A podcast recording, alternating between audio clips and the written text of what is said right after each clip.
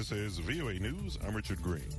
International efforts to broker a ceasefire between Israel and Hamas have suffered a setback as Israel reportedly recalled its negotiating team from the internationally mediated negotiations in Cairo. Israeli Prime Minister Benjamin Netanyahu on Wednesday accused the U.S. designated terrorist group of hobbling the high stakes negotiations by sticking to delusional demands. Netanyahu's remarks raised concerns over the fate of the talks. The internationally mediated negotiations in Cairo were taking place even as deadly violence continued both in the Gaza Strip and along Israel's border with Lebanon, where low level fighting has continued since the war broke out. Israel faced growing international pressure on Wednesday to hold off on a planned assault on the last refuge for displaced Palestinians in southern Gaza. Reuters correspondent Rachel Graham has more. The World Health Organization's representative for the West Bank and Gaza, Richard Peeperkorn, said an offensive in Rafah could overwhelm its already overburdened health system. Military activities in this area, this densely populated areas, would be, of course, an, an, an unfathomable uh, catastrophe uh, and an enormous, uh, uh would even further expand the humanitarian disaster beyond imaginations. Israel says it takes steps to minimize civilian casualties and accuses Hamas fighters of hiding among civilians, including in hospitals and shelters, something the militant group denies. That was Reuters correspondent Rachel Graham. Bring them home now. Meanwhile, families of Israelis held hostage by Hamas since October 7th urged the International Criminal Court on Wednesday to ensure justice for their loved ones and to help bring them home. Standing in the rain, families and activists waved Israeli flags and chanted, Bring them home. This is VOA News. The U.S. National Security Advisor says he'll meet on Thursday with a powerful congressman who wants President Joe Biden to release information regarding what the lawmaker says is an urgent national security threat. More from VOA's chief and national correspondent, Steve Herman, in Washington. At the White House press briefing room lectern on Wednesday, the National Security Advisor, Jake Sullivan, expressed surprise that the House Intelligence Committee Chairman, Mike Turner, has made a public call for the administration to declassify details about an unspecified foreign threat. Ultimately, these are decisions for the president to make. The congressman has told his colleagues they should urgently go to a secure room to receive a classified briefing about what media reports, quoting U.S. officials, say that refers to Russia's attempt to develop a space based anti satellite nuclear weapon. Steve Herman, VOA News, Washington. Indonesian Defense Minister Prabowo Subianto declared victory in Wednesday's presidential election after an official result showed him trouncing two rivals. The former Special Forces commander clinched about 58% of the votes, according to unofficial quick counts by four independent pollsters, more than double that of his nearest opponent. Subianto needs to win more than 50% of all votes cast, along with at least 20% of the vote in half of Indonesia's provinces once the official returns are announced to avoid a second round in June. This is the 72 year old Subianto's third attempt at the top job in the world's third largest democracy. He was defeated in his previous attempts by outgoing President Joko Widodo. Special counsel Jack Smith has urged the U.S. Supreme Court to allow a historic case against former President Donald Trump to proceed. Here's AP correspondent Lisa Dwyer. Special Jack Smith is urging the Supreme Court to let former President Donald Trump's 2020 election interference case proceed to trial without further delay. Prosecutors were responding to a Trump team request from earlier in the week asking for a continued pause in the case as the court considers whether to take up the question of whether Trump is immune from prosecution for official acts while in the White House. Two lower courts have overwhelmingly rejected that position, prompting Trump to ask the High Court to intervene. Smith asked that if the Supreme Court does want to take the case, that they hear arguments in March and issue a final ruling by late June. I'm Lisa Dwyer. Issues in the News is VOA's premier news discussion program. Our in depth analysis goes beyond the headlines, providing you with the inside story on both domestic and international news. That's Issues in the News, VOA's premier news discussion program. I'm Richard Green for VOA News.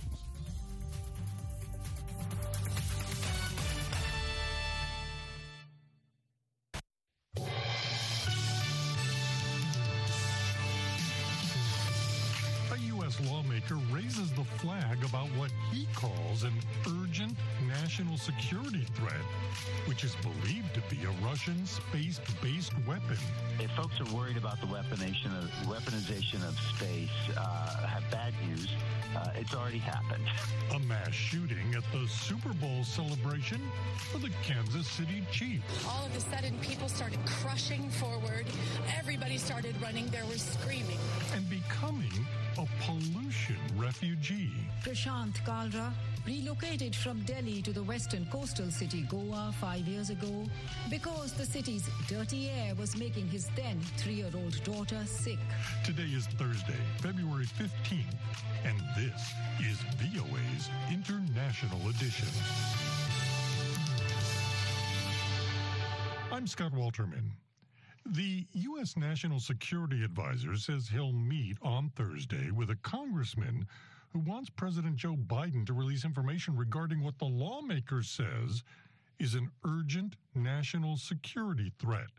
More from VOA's chief national correspondent, Steve Herman, in Washington. At the White House press briefing room lectern on Wednesday, the National Security Advisor Jake Sullivan expressed surprise that the House Intelligence Committee Chairman Mike Turner has made a public call for the administration to declassify details about an unspecified foreign threat. Ultimately, these are decisions for the president to make. But in the meantime, the most important thing is we have the opportunity to sit in a classified setting and have the kind of conversation uh, with the House intelligence leadership that I, in fact, had scheduled before uh, Congressman Turner went out today.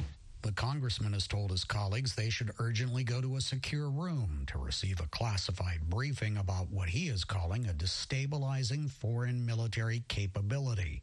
Media reports quoting U.S. officials say that refers to Russia's attempt to develop a space based anti satellite nuclear weapon. Steve Herman, VOA News, Washington. Space based weapons have been both a fear and a reality since the dawn of the space age in the 1950s. Joining us now to talk about this is Todd Harrison, a senior fellow at the American Enterprise Institute, where he focuses on defense strategy and budgeting, the defense industrial base, and space policy and security. All right, so let's start with this um, story that broke today and ultimately it's being speculated or has been confirmed by people who won't be identified that it's a um, anti-satellite space-based weapons system. Uh, do, what do we know about that? Well, you know, we don't know the specifics about you know this intelligence, not yet. Uh, we know that uh, the Biden administration has been asked to declassify that intelligence. Uh, but what we do know from the past is that Russia has developed and tested a wide array of anti satellite weapons, um, both weapons that are kinetic, meaning they strike their target, um, collide with it in order to uh, damage it, um, and weapons that are non kinetic, things like electronic attack, cyber forms of attack. We've even seen Russia use some of these electronic and cyber uh, anti satellite capabilities in the conflict in Ukraine. Uh, they've been jamming our GPS signals, uh, satellite communication signals, uh, and they, at the very beginning of the war, they actually used a cyber attack to take uh, much of the Ukrainian military satellite communication systems offline. Uh, and they actually attacked through a commercial satellite communication system. So we know Russia has uh, lots of these weapons, uh, but what's interesting is that, uh, at least it sounds like, if the reporting is correct, that they've got uh, some different type of weapon on orbit uh, that the intelligence officials are concerned about. It's it's not. It, it's not shocking that this is happening. I mean, it's it's coincidental that just today um, they launched a rocket um, a SpaceX rocket from uh, Kennedy Space Center that was a um, military, a classified military launch. We're not sure what was on the on the payload other than it was a, a satellite. And I remember from way back 20, 20 25 years ago being at the Kennedy Space Center, you know, for a shuttle launch, and a rocket mm-hmm. would take off from the Air Force base that's adjacent to Kennedy Space Center, and the NASA guys would tell us, "Oh, that's a DoD uh, launch. We don't know what it is." This has been going on almost since the beginning of the space program, right? Absolutely. Um, and I mean, just to underscore the fact that the launch today is purely coincidental, uh, these missions take months and years to plan and to actually develop the satellite that's being launched and integrate it with the rocket. Um, so, you know, th- these two things are truly not connected. Uh, but the activity in space has really been picking up uh, in recent years. Uh, just last year in 2023, uh, um, it was the uh, largest number of space launches all time. Uh, ever since the beginning of the space age back with Sputnik in 1957. globally, there were 211 launches last year. a little, about half of those were from the United States. Um, and I think, you know, Cape Canaveral and Kennedy um, spaceport down there in Florida um, that was the busiest launch site in the entire world uh, last year. Uh, so there's a lot going on in space. The military is certainly part of that. So, what should we know? What should we be thinking as citizens of the world about the weaponization of space? Mm. Well, um, if folks are worried about the weaponization of, weaponization of space, uh, have bad news. Uh, it's already happened. uh, no sooner than the United States and the Soviet Union were able to put satellites in space, we started working on ways to destroy each other's satellites. Um, the first anti satellite test was conducted in 1959. That was by the United States. Um, Throughout the 1960s and early 70s, the Soviet Union conducted tests of a space-based anti-satellite system. That is, a satellite that can deliberately collide with another satellite and knock it out of orbit. Um, so, you know, these types of, of space weapons uh, have been around.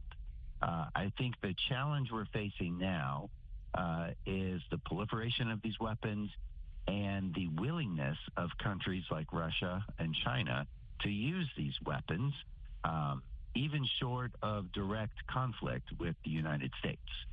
Um, so my concern is that Russia may be feeling emboldened. They may feel emboldened with the politics in the United States um, around giving more military support uh, to Ukraine uh, to help fend off uh, the Russian invasion. Uh, they may be emboldened by what former President Trump has been saying in terms of not supporting our NATO allies.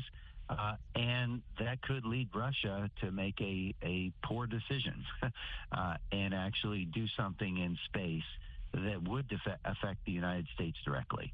Um, and so I think that there really is cause for concern there. Um, you know, not even knowing the specifics of the intelligence that's uh, behind this report. Todd Harrison with the American Enterprise Institute. In the U.S. state of Missouri, there was another mass shooting in the U.S., this one at the celebration for the Kansas City Chiefs, who won the Super Bowl. At the conclusion of the Chiefs rally today, there were shots fired on the west side of Union Station. Immediately, officers responded to the area, took two people into custody, and also immediately rendered life sustaining aid to those victims. That's the Kansas City police chief. I'm angry at what happened today. The people who came to this celebration should expect a safe environment. We had over 800 law enforcement officers, Kansas City and other agencies at the location to keep everyone safe. Authorities say at least eight children were among the 22 people who were hit by gunfire.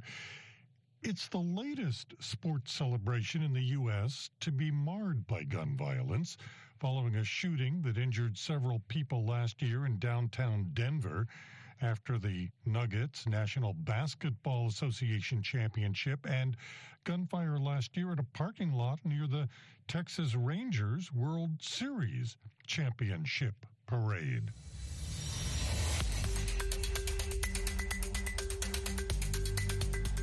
Following these other stories from around the world. Efforts to broker a ceasefire between Israel and Hamas have suffered a setback as Israel reportedly recalled its negotiating team. Israeli Prime Minister Benjamin Netanyahu on Wednesday accused Hamas of hobbling the high stakes negotiations by sticking to, quote, delusional demands. The United States says it supports Japan's efforts to hold talks with North Korea. Japanese Prime Minister Fumio Kishida told Parliament last week he wants to hold a summit with North Korean leader Kim Jong un. Lawmakers in Greece have begun a debate on a landmark bill to legalize same sex marriage. It would make Greece the first Orthodox Christian country to do so. The Valentine's Day session in Parliament follows vocal opposition and protests from the church, but public opinion had shifted and is narrowly supportive of the reform. Secretary of State Antony Blinken is headed to Albania for talks on Thursday and then on to Germany for the Munich Security Conference, where he will join a U.S. team led by Vice President Kamala Harris. U.S. aid for Ukraine's defensive war against Russia, which is stalled in the U.S. House of Representatives, and former President Donald Trump's comments threatening to abandon some of America's NATO allies if he's reelected, are likely to follow Blinken and Harris in Europe. VOA's senior diplomatic correspondent Cindy Saine reports from the State Department. As Russia continues to attack Kharkiv and other Ukrainian cities, experts warn that U.S. Speaker of the House Mike Johnson's refusal to allow a vote on an aid package to Ukraine, Israel, and Taiwan is resulting in deaths, with Kiev running short on manpower and munitions. President Joe Biden outlined the stakes Tuesday, saying supporting the bill sends a crucial message to Russian President Vladimir Putin. If we don't stop Putin's appetite for power and control in Ukraine, he won't limit himself just to Ukraine. And the cost for America and our allies and partners are going to rise. For Republicans in Congress who think they can oppose funding for Ukraine and not be held accountable, history is watching. It is against this backdrop that Secretary of State Antony Blinken is making his first trip to Albania and then heading to the Munich Security Conference. He plans a slew of bilateral meetings with his counterparts from Germany, Ukraine, India, and a number of other countries, including possibly China. Some comments from the likely Republican presidential nominee, former President Donald Trump, threatened to overshadow the security talks. Trump said last week that he had once told a NATO member that he would not protect certain allies from Russia. And he has continually pressured Republican members of Congress not to approve aid for Ukraine. At the State Department Wednesday, VOA asked whether U.S. domestic politics would put Blinken in a difficult position in Munich. Spokesperson Matthew Miller said this. And certainly, I'm sure that when we are in Munich, we will hear directly from foreign leaders that they are watching very much what Congress does. We know the Ukrainian people are watching. And as the president said, history is watching as well. Republican lawmakers are divided over continued U.S. funding for Ukraine. Republican Representative Pete Sessions told VOA that the U.S. has promised Ukraine its support. The Democrats in the Senate have passed what I consider to be a good funding bill to supply Ukraine with its needs. The bottom line really is for Ukraine, they need help with artillery and armaments that the United States has the supply of. On Tuesday, the Democrat led Senate, with bipartisan support, passed the $95 billion foreign aid bill, which included $60 billion for Ukraine. Sessions said he believes Congress will manage to pass the aid bill one way or the other. Cindy Saine, VOA News, the State Department. As U.S. lawmakers continue to haggle over a bill to spend more than $60 billion in security aid to Ukraine, top defense officials are vowing to back Kiev as long as it takes. VOA national security correspondent Jeff Seldin reports. The United States hasn't sent Ukraine any aid packages since late December, but Defense Secretary Lloyd Austin warns Russia shouldn't get its hopes up. Ukraine will not surrender and neither will we. Austin, leading a virtual meeting of the Ukraine Defense Contact Group, says the immediate focus is on Kiev's need for more air defense and artillery. The Kremlin's cruelty is especially clear during another winter of war. Putin's forces brazenly bombard Ukraine's uh, cities with uh, ballistic missiles and Iranian drones. Austin also shared a message seemingly directed at the U.S. House of Representatives, where some lawmakers have so far balked at approving more aid for Ukraine. For people of principle and governments of conscience, standing aside while Ukraine fights for its very existence is not an option. As for the more than 50 nations meeting to support Ukraine, the U.S. Defense Secretary says it's time to roll up their sleeves and get to work. Jeff Seldin, VOA News, Washington.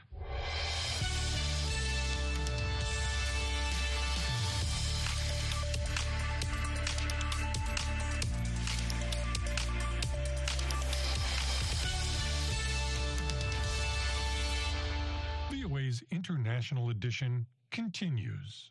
I'm Scott Walterman. The frontrunner for Indonesia's presidency has declared victory after unofficial vote count showed him with a wide lead in the three way race. Prabowo Subianto, the defense minister, addressed a large crowd of supporters in Jakarta on Wednesday night. Dave Grunebaum is there and has this story. Loud cheers from thousands of people for Prabowo Subianto as he greeted supporters in a local sports arena. 38 year old Hendra Gunawan came to this watch party to see the results come in. He's a longtime supporter of Prabowo, who had lost in his first two tries at the presidency. Prabowo faces numerous accusations of human rights violations dating back to his days in the army during the 1980s and 1990s when he was rising through the ranks to become a three-star general before being dismissed over allegations he ordered the kidnappings of pro-democracy activists. But many of Indonesia's voters do not have a recollection of that time period. More than half of the country's eligible voters are younger than 40, and one third are younger than 30. One of them is Sabrina Ramadhani, age 23, who says Prabowo has the personal traits to be a good leader. She said Mr. Prabowo is protective of the citizens. He's energetic, assertive, charismatic, and also generous. Prabowo appeared to have the tacit backing of the country's outgoing president, Joko Widodo, whose son is Prabowo's vice presidential running mate. Prabowo told the crowd he would assemble a government made up of Indonesia's best sons and daughters. Dave Grunebaum, VOA News, Jakarta, Indonesia. And finally, the Indian capital's severe pollution, which has failed to improve despite efforts, is prompting a small but growing to leave New Delhi to escape the health hazards posed by dirty air. Many are relocating to the western coastal cities of Goa, which has witnessed an influx of what are being called pollution migrants. Anjana Pasricha spoke to two families on why they decided to leave the capital. Prashant Kalra relocated from Delhi to the western coastal city Goa five years ago because the city's dirty air was making his then three year old daughter sick. Kalra lived formerly in Gurugram, that adjoins Delhi. Our daughter couldn't breathe in Delhi NCR because she needed a nebulizer every night just to go to sleep. So that uh, convinced us that we didn't have a choice. NCR refers to Delhi and surrounding districts. Kalra is among a small but growing number of people quitting that urban sprawl as two decade long efforts fail to clean up the toxic smog that shrouds it every winter. Most are heading to Goa, a popular holiday destination that has become a magnet for so called pollution migrants from Delhi. For Salil Pawa and his wife, the trigger for moving two years ago was their daughter's persistent cough. She got put on a inhaler and also the nebulizer. When that is when I realized that it's the air. and uh, we came here for a vacation, for a very short vacation for a few weeks, and that cough all but vanished. That's when we kind of decided that we have to leave Delhi. Delhi's pollution is caused by a mix of construction dust, vehicular emissions, and burning of crop residue. Doctors say every winter brings a steady stream of patients affected by the air quality. Suranjit Chatterjee is a doctor at Indraprastha Apollo Hospital in New Delhi. It's a major health issue because obviously now the duration of the pollution has also lengthened in this city and exposure long time to high pollutants obviously affects everybody's health. For those seeking refuge from Delhi's air, leaving a city they called home was not easy. Kalra and Pawa described their experiences. Biggest challenge is getting used to a different place, not knowing what, where, what is, uh, starting life from scratch. It was difficult leaving friends behind, but luckily most of our family moved with us. Uh, my father, my elder sister. Socially, it's an adjustment. Culturally, also, it's an adjustment because Goa is a slightly different place. But, says Kalra, the slow paced life can be enticing. The numbers leaving Delhi have accelerated since the COVID 19 pandemic, which gave the flexibility to work from different locations. Pawa again. When I moved to Goa, I didn't know anybody else right? Uh, now, in the span of two years, I know probably 20 people who moved here for the same reason. COVID taught us that you don't have, it's not the city itself, right? It's the work that you do. Moving out of Delhi is a choice available only to a few. But the trend underscores that cleaning up India's mega cities will be one of the country's biggest challenges as the government sets an ambitious goal of making India a developed nation by 2047. Anjana Pasricha, VOA News, New Delhi. This has been International Edition on the Voice of America. On behalf of everyone here at VOA, thank you so much for joining us. For pictures, stories, videos, and more, follow VOA News on your favorite social media platform and online at voanews.com. In Washington, I'm Scott Walterman.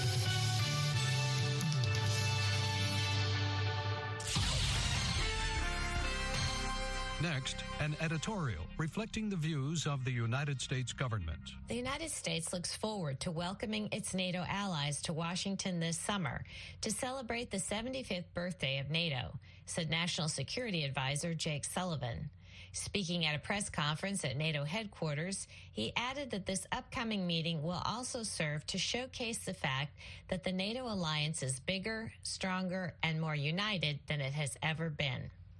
A primary topic of discussion at the Washington NATO summit in July will be the alliance's shared support for Ukraine, said Mr. Sullivan. Putin has been counting on dividing this alliance, but today we heard again total unity and a degree of intensity of that unity that has not flagged one bit since the beginning of this brutal invasion by Russia nearly two years ago. Putin has also been counting on flagging support Today I heard renewed commitments from many different NATO allies of tangible support for the brave Ukrainians who are defending their country. With regard to burden sharing, the United States looks forward to seeing more allies meet their 2% of GDP benchmark necessary for NATO funding. Another topic of discussion in Washington will be how to energize the defense industrial base in order to increase production of critical capabilities, said Mr. Sullivan. And it's not just about total numbers, it's also about the types of capabilities that we need to be investing in because this fight over the last two years has taught us about the evolving nature of technology and warfare, and NATO has to stay at the cutting edge in that regard. NATO has begun to deepen its ties with its Indo Pacific partners, explained Mr. Sullivan. This is not about bringing NATO to Asia. It is about working together with like minded partners in the Indo Pacific on challenges that really transcend geography, cyber, economic security, nuclear proliferation, and yes, the evolving interconnections between Russia, China, Iran, and North Korea, among other issues. National security advisors from NATO also discussed the situation in the Middle East, including the threat that Iran poses to regional stability and to a vision of a more peaceful, prosperous, interconnected region. NATO looks forward to welcoming Sweden into the alliance soon as a 32nd member, said Mr. Sullivan. The Washington summit will continue to build this vital and dynamic defense alliance known as NATO. That was an editorial reflecting the views